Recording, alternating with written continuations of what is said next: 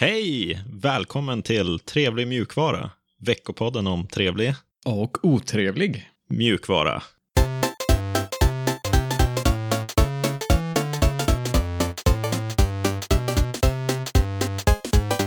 Mitt namn är Alexander och med mig har jag som vanligt Seb. Hallå, hallå. Hallå! Hur är läget? Det är bra. Bara fint. Har du gjort något särskilt den här veckan?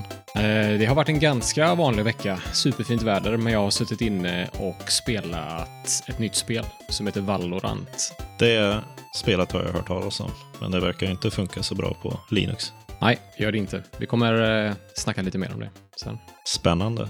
Vad mer ska vi snacka om? Ja, det är nyheter, otrevligheter, trevligheter och så en del uppdateringar på våra metasegment som VIM-utmaningen till exempel. Kommer lite senare i avsnittet. Mm, den ska vi nysta i. Men först, nyheter. Yes.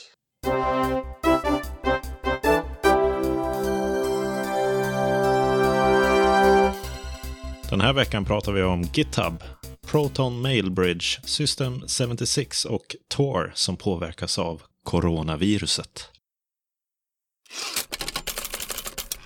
GitHub Teams är gratis. Ja, nu måste ju du eh, skita på dig, höll jag på att säga. Jaså. Nu måste du st- studsa till av, av ren lycka. Det är ju ditt favorit, favorithosting-system för eh, Git. Ja, du brukar säga det. Jag tror att det är ditt favorit också egentligen. Ja, det är inte tillräckligt trevligt för att vara det än. Nej, nej, okej. Vad, vad betyder det att GitHub Teams är gratis? De eh, har gjort det gratis att man i Teams på GitHub kan ha privata repositories. Mm. Tidigare så kunde man ha Teams, men man kunde inte ha privata repositories utan att betala. Ja, okej. All right. Tidigare så var ju inte privata repon gratis överhuvudtaget för varken Teams eller enskilda användare. Så gjorde de ju det gratis och nu har de gått ytterligare ett steg för att göra privata repos gratis då. Mm. Det finns ju fortfarande betalnivåer också, som till exempel Team som är lite mer avancerade features med code owners och lite högre gränser. Och så har de Enterprise features som kostar 21 dollar i månaden per användare. Och så har de något GitHub One där man inte ens får ett pris utan man ska kontakta deras säljare. Ja, okej. Det är väl egentligen gratisnivån som har utökats med att eh, även Teams ingår med privata repositories.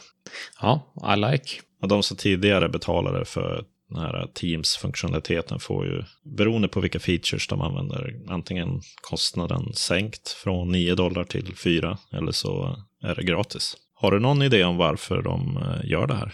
Ja, de vill väl att GitHub ska vara val nummer ett för alla utvecklare som vill lägga upp kod på nätet. Mm. Jag skulle tro att de har eh, lite, börjat få lite konkurrens från framförallt GitLab som eh, börjar släppa lite nya coola features. Så man börjar höra mer om GitLab i nyheterna. Ja, jag tog en titt på deras eh, erbjudande och det ligger ju i linje med vad GitHub har uppdaterat sitt erbjudande till nu. Så det är Mm. väl mer i linje med GitLabs erbjudande. Sen är det här väl ett steg att cementera sin position som open source-spindeln i nätet eller vad man ska kalla det. De har ju de här uh, GitHub packages på G med NPM och så den här stora massan issues som ligger på varje open source-projekt i GitHub. Det börjar bli lite värde i det. På nätet så är man inte så kritisk till det här. Även om vissa såklart tar upp det här med Embrace Extend Extinguish från Microsoft. Men jag vet inte om jag håller med om det. Utan det är nog som du säger att GitLab naggar dem i kanten lite. Ja, jag tycker nog att det är bra det jobbet de har gjort med GitHub so far. Det har ju bara blivit bättre för slutanvändaren, billigare och eh, fler features.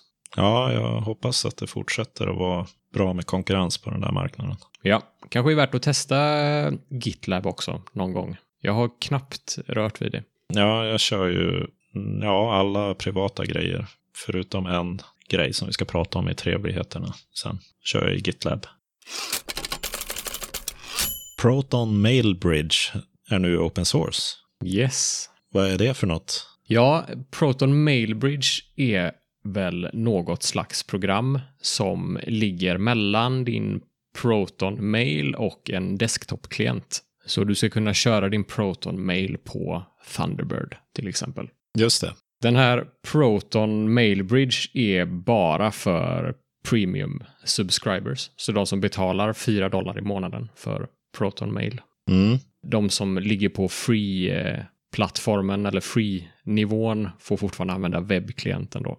Eh, precis som vanligt. Och den här Proton Mail Bridge-programmet har funnits i beta ett tag, men nu är det släppt i eh, skarp version för alla på Linux. Och den har också blivit helt open source nu då, som sagt. Det är ju trevligt. Det tycker jag. De har ett litet eh, projekt där på Proton Mail att göra alla sina produkter till open source. Så eh, de har ju andra produkter som Proton VPN till exempel, som vi har snackat en del om. Och eh, lite olika produkter i den här Proton Mail-sviten. Just det, de har en kalender också. Mm, precis. Ja, men det är ju rätt inställning. Ja, det tycker jag. Jag kör ju Proton Mail med min egen eh, domän och har försökt få Nextcloud att använda den mailen. Men det är inte så lätt utan den här Proton Mail-bridgen. Nej, okej. Man behöver ju sätta upp den även för sådana serverapplikationer som vill mejla via den Just det. Proton. De är ju också en klient som vill använda sig av mailen. Mm, det ska jag nog sätta mig och testa när jag får tid över någon gång. Mm. Ja, spännande. Eh, Du får gärna hojta med progress där. Jag vet dock inte om jag som privat användare vill använda något annat än webbklienten. För att jag tycker att den är väldigt bra faktiskt. Ja, men samtidigt pratade du någon gång om att du gillade terminalapplikationer. Det har du väldigt rätt i faktiskt. Det är ju bara på grund av det coola UI't. Ja, men sen när du kan Vim så blir det mycket snabbare också, har vi lärt oss. Ja, Eller? just det. Mm, ja, det kanske finns något där ändå. System 76 har släppt en ny laptop som de kallar för Lemur Pro. Det är en laptop som väger under ett kilo, vilket jag tycker är häftigt. Den har en 14,1 tums skärm och den har väldigt bra batteritid. Så de har gått ut med siffran 21 timmars VIM-kodande som man kan göra på den här maskinen innan den dör.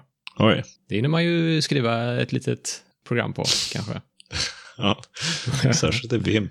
Ja, precis. Där går det snabbt. Jag tycker att den här är en intressant laptop på grund av de, de tre sakerna som jag sa. Eller framförallt vikten och eh, det bra batteritiden. Laptopen kommer preloadad med Pop OS eller Ubuntu, vilket är lite intressanta val. Eh, och det känns ju godare att få Pop OS eller Ubuntu än Windows eller en eh, Mac OS X-installation. Det är ju det som är trevligt med de här eh, tillverkarna som erbjuder det. Man slipper ju slänga pengar åt Microsofts håll om man verkligen inte vill stötta dem.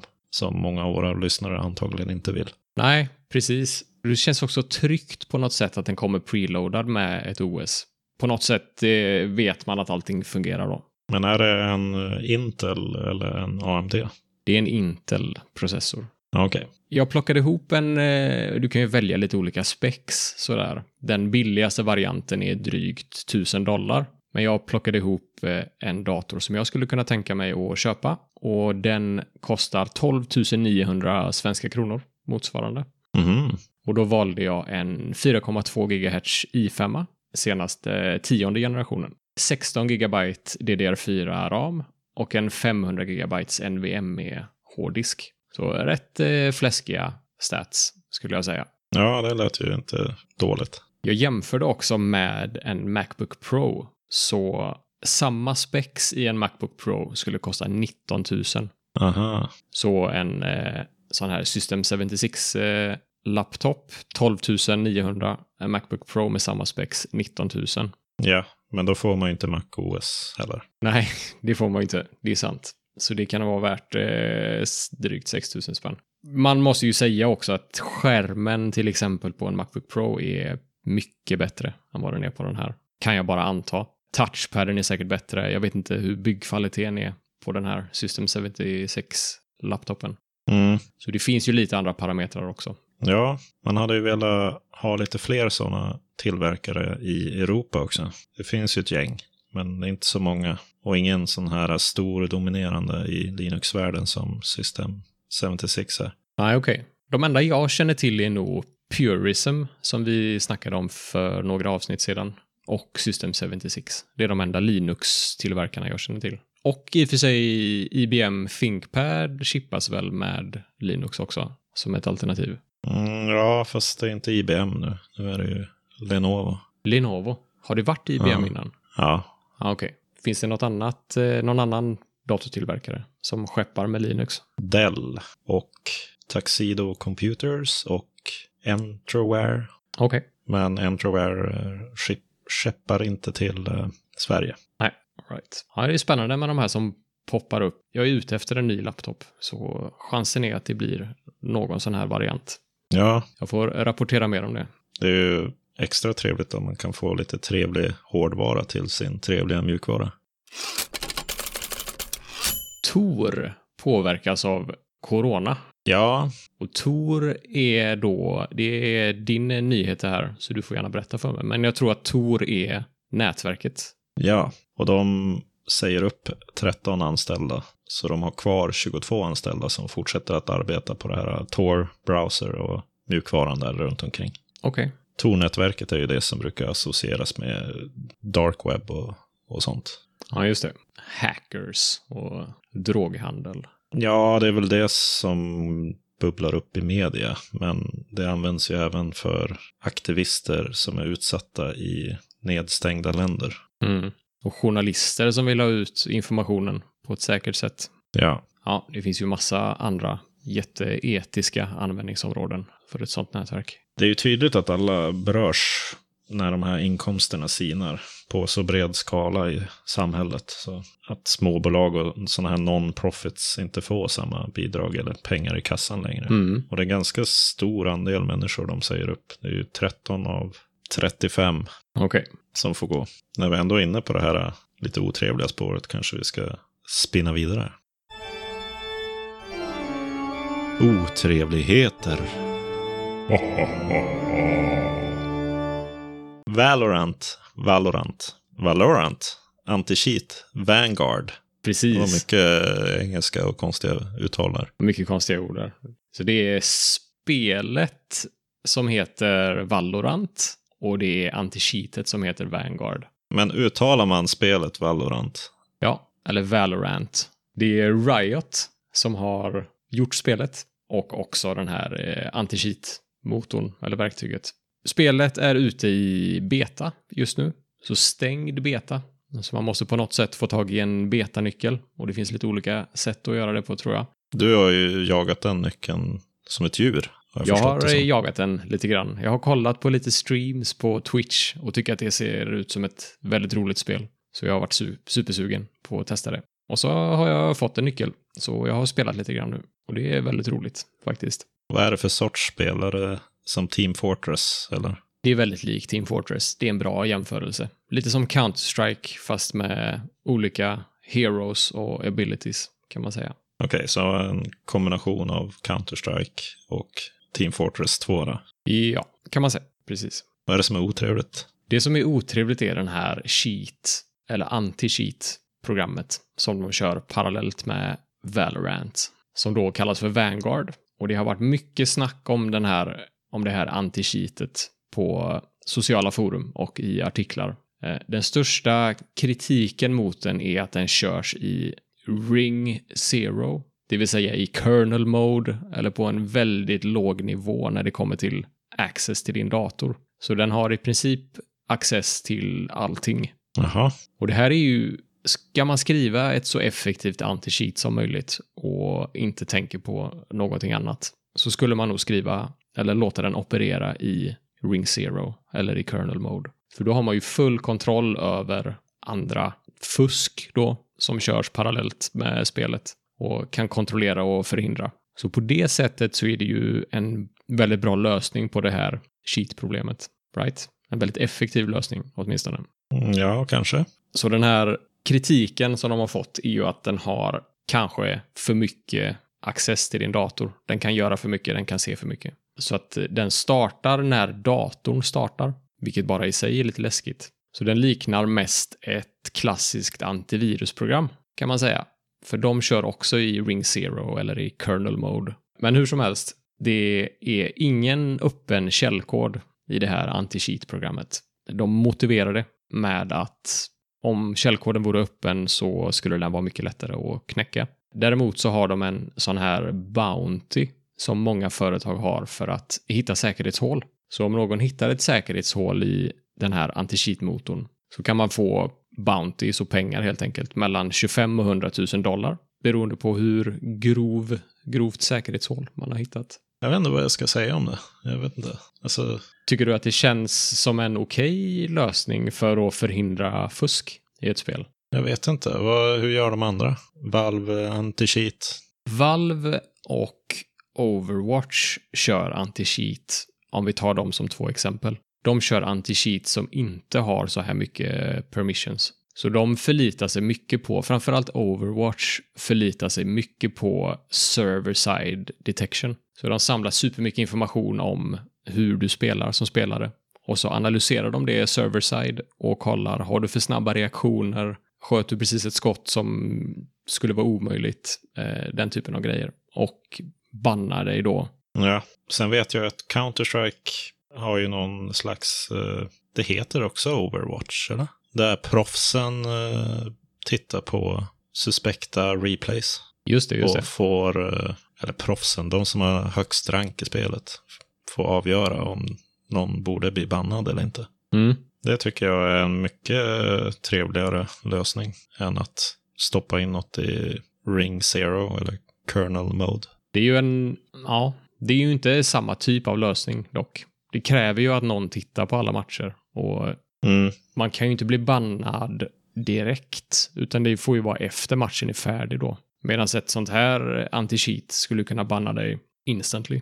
Ja, jag köper det inte riktigt för att på um, CS så visst, det dyker upp fuskare, men de blir ju bannade om de kör något som är känt. Mm. Ja, absolut. Innan det kommer till den här Overwatch-biten. Och det lär ju dyka upp sådana fusk på det här spelet också. Som inte är den här uh, kernel mode anti-cheatet upptäcker. Det är ju en konstant katt och råtta-lek som... Ja, jag förstår inte varför man skulle vinna jämfört med Valve anti-cheat. Det är ju mer effektivt. Det kan man ju inte komma ifrån. Om de hade gjort det här plus allting Valve gör så skulle de ju ha ett mer effektivt anti-cheat. Right? De har ju gått ett steg extra. Frågan är väl om det steget extra är värt det enda jag minns med CS när jag spelade för en herrans massa år sedan, när det blev gratis, så dök det upp en del fuskare. Men det var ju för att det kom en massa nya spelare som bara kunde ladda hem och fuska i spelet. Mm. Men de försvann ju ganska snabbt efter det. Precis. Ja, jag tycker också att fuskare har jag aldrig haft något problem med i någon större utsträckning åtminstone. Man har väl varit med om någon match där det har varit uppenbart, men ah, jag tycker att de de problemen är supersmå egentligen i, i CS och i Overwatch som är de andra sådana spelen jag har spelat. Det finns ju en annan sida på det här myntet. Vad det är för risker med att ha något third party-program som kör i kernel mode. Mm. Och det är ju att den, har, den kan potentiellt läsa allting, alla inputs du gör till exempel. Eh, den skulle också kunna fråga Chrome efter alla dina lösenord. Den har ingen, det finns liksom ingen kontroll över den, utan den har full tillgång till hela ditt system. Och ja. det är ju såklart en enormt stor liksom, attackvektor. Ja. Om någon skulle lyckas injicera dålig mjukvara i den här. Sen ägs de ju av uh, Tencent också. Mm, just det. Foliehatts... Uh, Om man nu ska gå den på. vägen. Ja, och det är ju ett kinesiskt bolag. Ja. Massivt kinesiskt bolag. Så egentligen så installerar man ju Xi Jinping i, process i processorn. ja, precis. Även om de inte gör någonting hemskt med det just nu så finns ju potentialen där om de skulle bli hackade till exempel. Det behöver inte ens vara deras eget fel. Nej, det är ju det som är riskerna med det. Jag tycker att det finns eh, en risk med att använda vilken tredjepartsprogramvara som helst. Alltså varför litar du mer på Chrome och på Microsoft än vad du gör på Tencent. Det låter väl som en, kanske som en dum fråga, men om det inte hade varit Tencent då? Om det hade varit något amerikanskt företag? Hade det varit någon skillnad då? Jag har nog ändå ställt mig frågande till att ha det körandes i, med de där rättigheterna och den kontrollen och den insynen i min dator. Ja, det är nog, det är nog helt rätt. På Linux så finns det ju confined uh, snaps och flat, Flatpak som kör det isolerat från systemet. Mm. Då har man ju lite kontroll på det om det skulle vara compromised, programmet. Ja, precis. Ja, det är lite läskigt. Synd att spelet är så roligt. Det gör lite ont i mig att jag vill spela det. Det har faktiskt varit bra diskussioner på Reddit med utvecklarna och de säger bland annat att de ska försöka fixa så man kan stänga av anti-cheatet när man inte använder det. Det är en av de stora kritikerna här då, att det alltid körs i bakgrunden. Så ja, bra snack och de svarar på frågor och sådär. Så att eh, det ska de ju ha cred för, tycker jag. Och jag vill också säga att precis som vi snackade lite snabbt om så andra anti-cheat engines som till exempel Battle-Eye är ett populärt, eh, en populär anti-cheat och det finns något som heter Easy anti-cheat. De kör också i Ring Zero eller i kernel mode. Så de har precis samma problem. Så anledningen till att det här har blivit så stort nu är ju att Valorant är ett nytt väldigt populärt spel. Så ja, spelar du PubG eller Fortnite eller Arma 3 eller en massa andra olika spel som använder de här andra Ring Zero anti-cheatsen så ska du vara precis lika bekymrad. Ja, problemet är väl att folk inte är det, kanske. Nej, det är ett problem. Men det är ju därför vi eh, snackar om det här. Så får man läsa på om det och göra sin egen bedömning. Vi vänder på ett blad, ungefär som ni gör i era tidningar och eh, ser framåt istället. För det här är något som jag, jag har förstått enligt boken och de information jag har fått, lång tid, lång tid tillbaka i tiden. Så kan det vara ibland i älgskogen.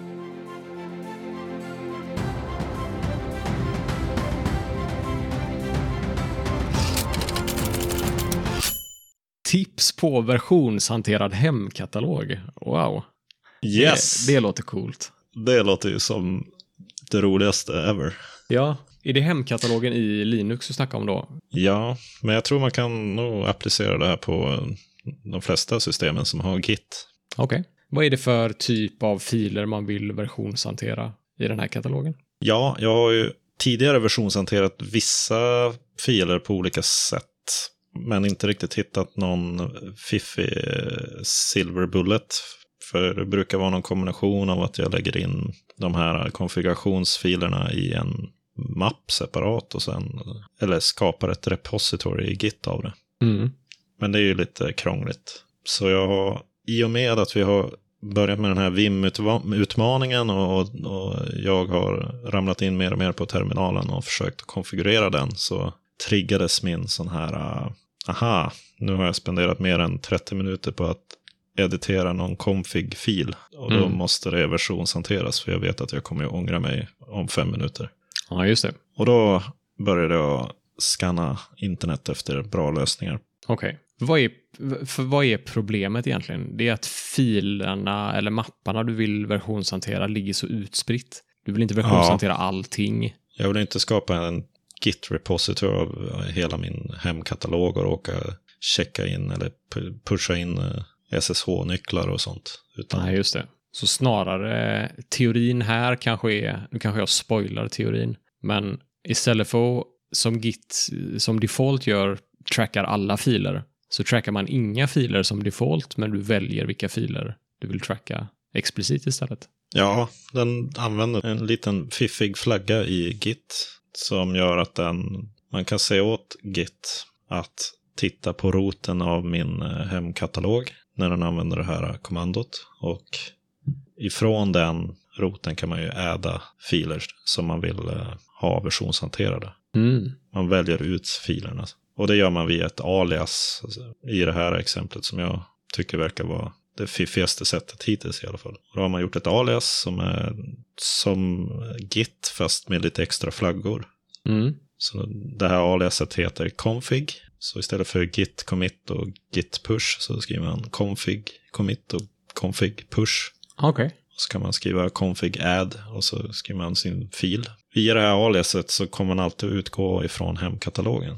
Okay. Jag har lagt till uh, .config slash nvim-mappen. Där mm. jag har min neovim-konfiguration och sen har jag även Z-shell installerat. Så då har jag även den. I den här git-repositoriet så ligger ju filerna precis som att det skulle ligga i min hemmapp. Exklusive alla andra filer runt omkring mm. i hemmappen. Så det är ju fiffigt sätt att följa upp att man har ändrat någonting också. För då kan man ju bara skriva config status och då får man att man, ja, har jag varit inne och pillat på någonting. Eller om jag kommer till min andra dator, jag har ju en bärbar dator som jag sitter med ibland också. Mm. kan jag bara köra en config pull och då hämtar den hem alla mina ändringar jag har suttit och gjort på min andra dator och så är allting i symfoni. Precis. Det funkar riktigt bra faktiskt. Ja, den ska jag ta och sno din sån, ditt tips där. Definitivt. Mm. Jag länkar till den här tutorialen för hur man sätter upp det. Mm. det är, den förklarar väldigt bra hur det funkar med de här Git-flaggorna också som man gör ett alias för. Okej. Proton. 6000 spel till Linux på två år. Det är ju bra jobbat. Ja, det är jättebra jobbat. Det är det här äh, emuleringslagret som vi har pratat om nästan varje avsnitt tror jag. Ja, precis. Vi gillar eh, Proton. Mm. Du ska ju kunna, tanken är väl att du ska kunna med ett klick starta vilket Windows-spel som helst på Linux. Ja, det har ju kommit en bra bit. Verkligen. Så det är 6000 spel, precis som du sa, som har Platinum rating. Och den ratingen betyder just det att du kan starta spelet med ett klick. Det är ingen config som behövs, utan den kommer köra perfekt direkt. Det är ju fantastiskt. Verkligen. Hur många Gold rating finns det då? 50 drygt procent av alla spel som är Platinum då. Och sätter man gränsen på Gold så är det 60 procent. Så det är ju väldigt många spel som funkar på Linux i dagsläget. Ja, Det är 100 spel i månaden som får en Platinum rating. Impressive. 100 nya spel. ja det är kul att se om det fungerade med anti-cheatet också. Då hade det varit perfekt. Piehole ligger som en trevlighet här. Ja, Och det är du som vill tipsa om den. ja det är ju ingen ny grej utan det är ju något som har funnits så länge. Mm. Det är ju en eh, programvara man främst installerar på en Raspberry Pi. Och det är ju, jag misstänker att det finns en stor hög med Raspberry Pis i stugorna som bara ligger och dammar. Ja, jag har min i en låda i bokhyllan här. Vi kanske ska göra det som något semi-utmaning slash projekt. Ja, just det. Kan inte du förklara lite vad det innebär? Ja, den eh, blockar ju främst reklamsajter natively över hela nätverket genom att skicka tillbaka blanka sådana här kan inte nås eh, respons. Mhm. På, den har som en liten databas eller den har ett gäng listor som den kikar i när man går in på en sida. Och så om det är en sida som är med i den listan så skickas det en blank respons tillbaka. Så Mm. det blir ingen reklam. Ja, Okej, det påminner väldigt mycket om hur de här adblockers fungerar i browsers. Ja, men den här fungerar ju på nätverksnivå eller vad man ska kalla det. Den, man installerar ju på en Raspberry Pi som ligger och kör och sen har man en eh, router förhoppningsvis någonstans. Man ställer in på routern att den ska använda det här Pi-hole eh, Raspberry Pien som eh, DNS. Mm. Så all trafik routas genom Pi-hole-maskinen? Ja, men all resolution av eh, från adress till eh, IP-adresser så att säga. När jag frågar var ligger google.com så brukar man ju gå via en DNS som svarar ja den ligger här på 43.128 och någonstans ute på internet. Just det. I och med att man har Pi-hole däremellan så frågar routern Pi-hole. All right. Så om jag förstår det rätt så innebär det här i teorin att om jag har min Playstation-konsol kopplad till ett nätverk med en Pi-hole i så kommer jag aldrig få reklam på min Playstation. Så kan det vara. Insane. Och du behöver aldrig tanka en adblocker på din mobil till exempel, för där blockas också all reklam. Ja, den blockar ju även andra typer av requests, typ telemetri-sajter eller välkända phone home-adresser. Okej. Så um, det är intressant att följa det där. Kan ju gå in live på min Pi-hole och dra upp lite statistik. Ja, det finns ett gränssnitt också, för det är något slags eh, i, i Pi-hole operativsystemet eller kör den på någon Linux-variant? Pi-hole är ju en, eh, ett, en servermjukvara Okej. som har en grafisk frontend. Mm.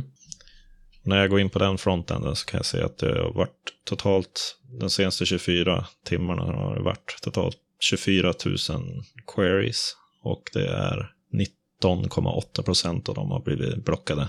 Okej, okay.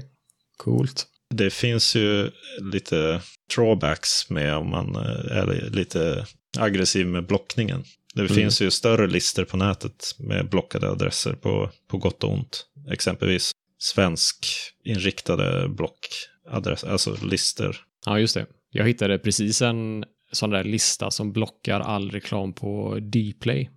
För den faller inte under, den funkar inte på uBlock eh, som default. uBlocks default-lista blockar inte Dplay. Det är det som är, ja, det är, det som är bra med, med Pi-hole, att man kan ju snabbt och enkelt via det här eh, extremt enkla gränssnittet lägga in nya listor. Mm.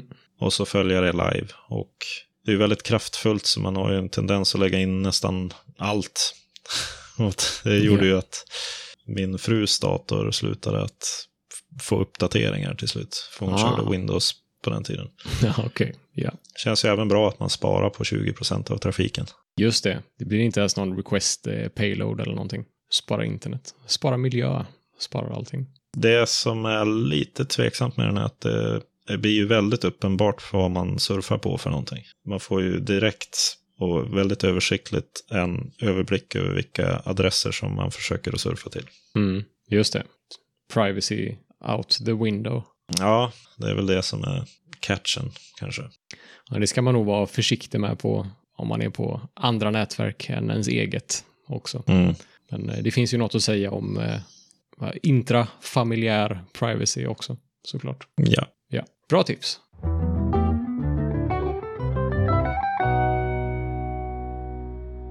Utmaningar. Uppdatering. Hur går det med Vim, Alex, om vi börjar med det? Jag har lärt mig en massa kommandon och börjar känna mig lite små bekväm. Men ibland så är det som att man faller tillbaka i något gammalt tankesätt. Ja. Det var så mycket i början där, men det är fortfarande att det händer ibland. Utmaningen för de som inte har hängt med är att vi ska försöka använda Vim i två veckor. Och det har väl snart gått två veckor, va? När är sista datumet? Den 24. Ja, fyra dagar kvar. Gott. Nej, jag känner väl att det, eh, man är någonting på spåret. Mm. Och ja, man är ju åtminstone hyfsat nära full capacity med gamla editeringsmetoder. Samma level som det var innan? Ja, ja. ungefär. Ja. Det är ju, man fastnar ju ibland för man känner sig lite... Man vill ju försöka upptäcka och undvika sådana här uh, stank, kan man kalla det. Smäll. Alltså när man känner att man repeterar någonting. Man rör sig mycket med HJKL och håller inne dem. Då känns det som att det här är fel.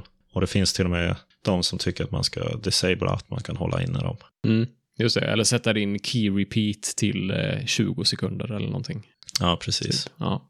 Så det är väl det steget jag är på, att jag ska nog slå på den.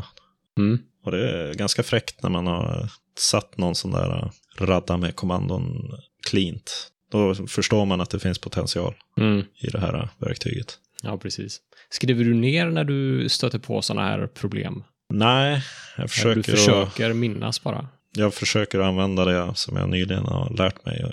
Ja, just det. Jag har ju en liten anteckningsbok jämte mig eh, nu, sen vi började den här VIM-resan. Och där har jag försökt skriva ner saker som jag stöter på. Och där går jag tillbaka och refererar till eh, många gånger, har jag gjort. Mm. Det som jag tycker är det största problemet är, förutom att hitta det bästa sättet att navigera på, det är mm. inte katastrof att navigera, men det känns som att det finns oftast något bättre sätt att göra det på. Men förutom det så är det det här copy-paste mellan systemet och Vim.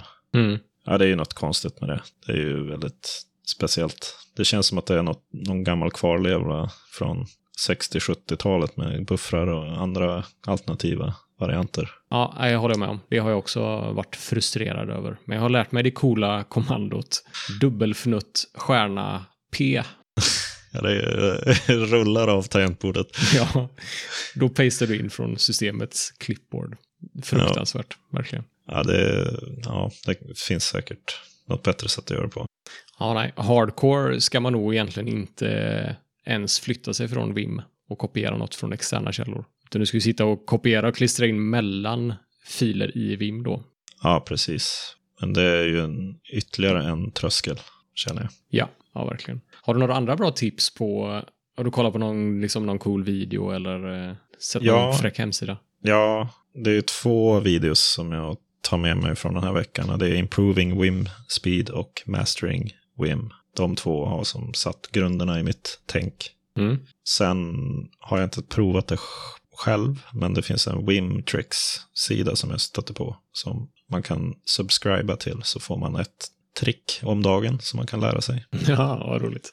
Lite som cat facts. Ja, men jag scrollade lite i listan när det verkar vara... Det finns ju så oändligt mycket med att lära sig i VIM. Ja. Hur känner du inför eh, framtiden då med VIM? Jag kommer ju, vi får väl göra en proper eh, evaluering i nästa avsnitt. Ja. Eh, men ja, jag vet inte. Det känns bra. Känns bra, känns roligt och spännande. Så ja. potentiellt kommer jag väl fortsätta med det. Nej, vi får hålla, vi får hålla er uppdaterade i nästa avsnitt. Yes. Sen har vi lite snabba uppdateringar på Pinephone och Linux-äventyret. Jag ska nog prova senaste Ubuntu Touch. För det har rapporterats att man kan klara ungefär 10 timmar med 35% batteri kvar. Oh. Så då, det låter ju intressant. Det har du tagit upp som ett problem tidigare, att batteritiden har varit eh, dålig på diverse olika OS, att de inte sätter sig i vänteläge och så vidare. Ja, så det ska vi se om det finns någon tid till att prova. Mm. Hur går det med Linux-äventyret då? Eh, det går sådär. Just nu har jag inte suttit så mycket i Linux. Jag vill ju spela lite Valorant. Det har nog varit eh, den främsta anledningen till att jag har ja. suttit i Windows. Saknar du inte Linux? Då? Jo, det gör jag faktiskt. Det gör jag. Ja, det värsta jag vet är att starta om min dator. Ja, du har pratat om det några gånger. alltså, ja, jag vet inte. Det är lustigt det där. First world problem deluxe. Men eh, ja, nästa gång jag rebootar så bootar jag förhoppningsvis in i Linux. Och då kommer jag sitta där i en vecka. Så att, Ja. ja, det går sakta men säkert framåt. Jag blir lite, du skickade en skärmdump på din eh, terminal när du hade stylat den. Ja, just det. Då blir jag lite sugen på det igen. Ja, vi håller tummarna för att du tar in på mjukare marker igen. Ja, det kommer, det kommer. Vi ska blicka inåt blicka inåt. Och det är i metauppdateringar den här veckan så har vi vår lyssnare Josefin som undrar om det finns någon open source podcastspelare. Mm. Och då tror jag hon menar en som en app som man tankar till sin mobil istället för Google Podcasts eller Apple Podcasts. Ja, och du hade ju nystat i det lite. Ja, precis. Jag var lite osäker själv på vilka podcastspelare som är open source. Jag kör ju själv Google Podcast. Och jag kör Podcast Addict. Just det. Det finns en lista på Wikipedia som listar vilken licens eh, många stora podcastplayers har. Och några namn jag känner igen och är open source är Antennapod. Tror jag är en ganska populär podcastplayer. Eh, så den skulle man ju kunna tipsa om till Josefin då. Mm. Det finns också Banshee, Niro, Amarok, G-podder. Eh, det finns en lista där. Vi lägger länken i avsnittsbeskrivningen så kan man gå in där själv och kolla. Ja. Jag tror inte att den är helt fullständigt eh, utförlig, den här listan heller. Så om det är någon lyssnare som har något bra tips på en open source podcastspelare så får man gärna höra av sig. Tipsa om den. Ja, skicka in era tips. Det var allt trevlig och otrevlig mjukvara vi hade för denna veckan. Hör gärna av er till kontakt trevligmjukvara.se. Och följ oss på trevligmjukvara på Twitter eller Mastodon om du vill ge någon feedback eller diskutera någonting. Vi har även telegramkanaler och kanske i framtiden Matrix. Ooh. Vi hörs nästa måndag. Trevlig mjukvara på er. Trevlig mjukvara.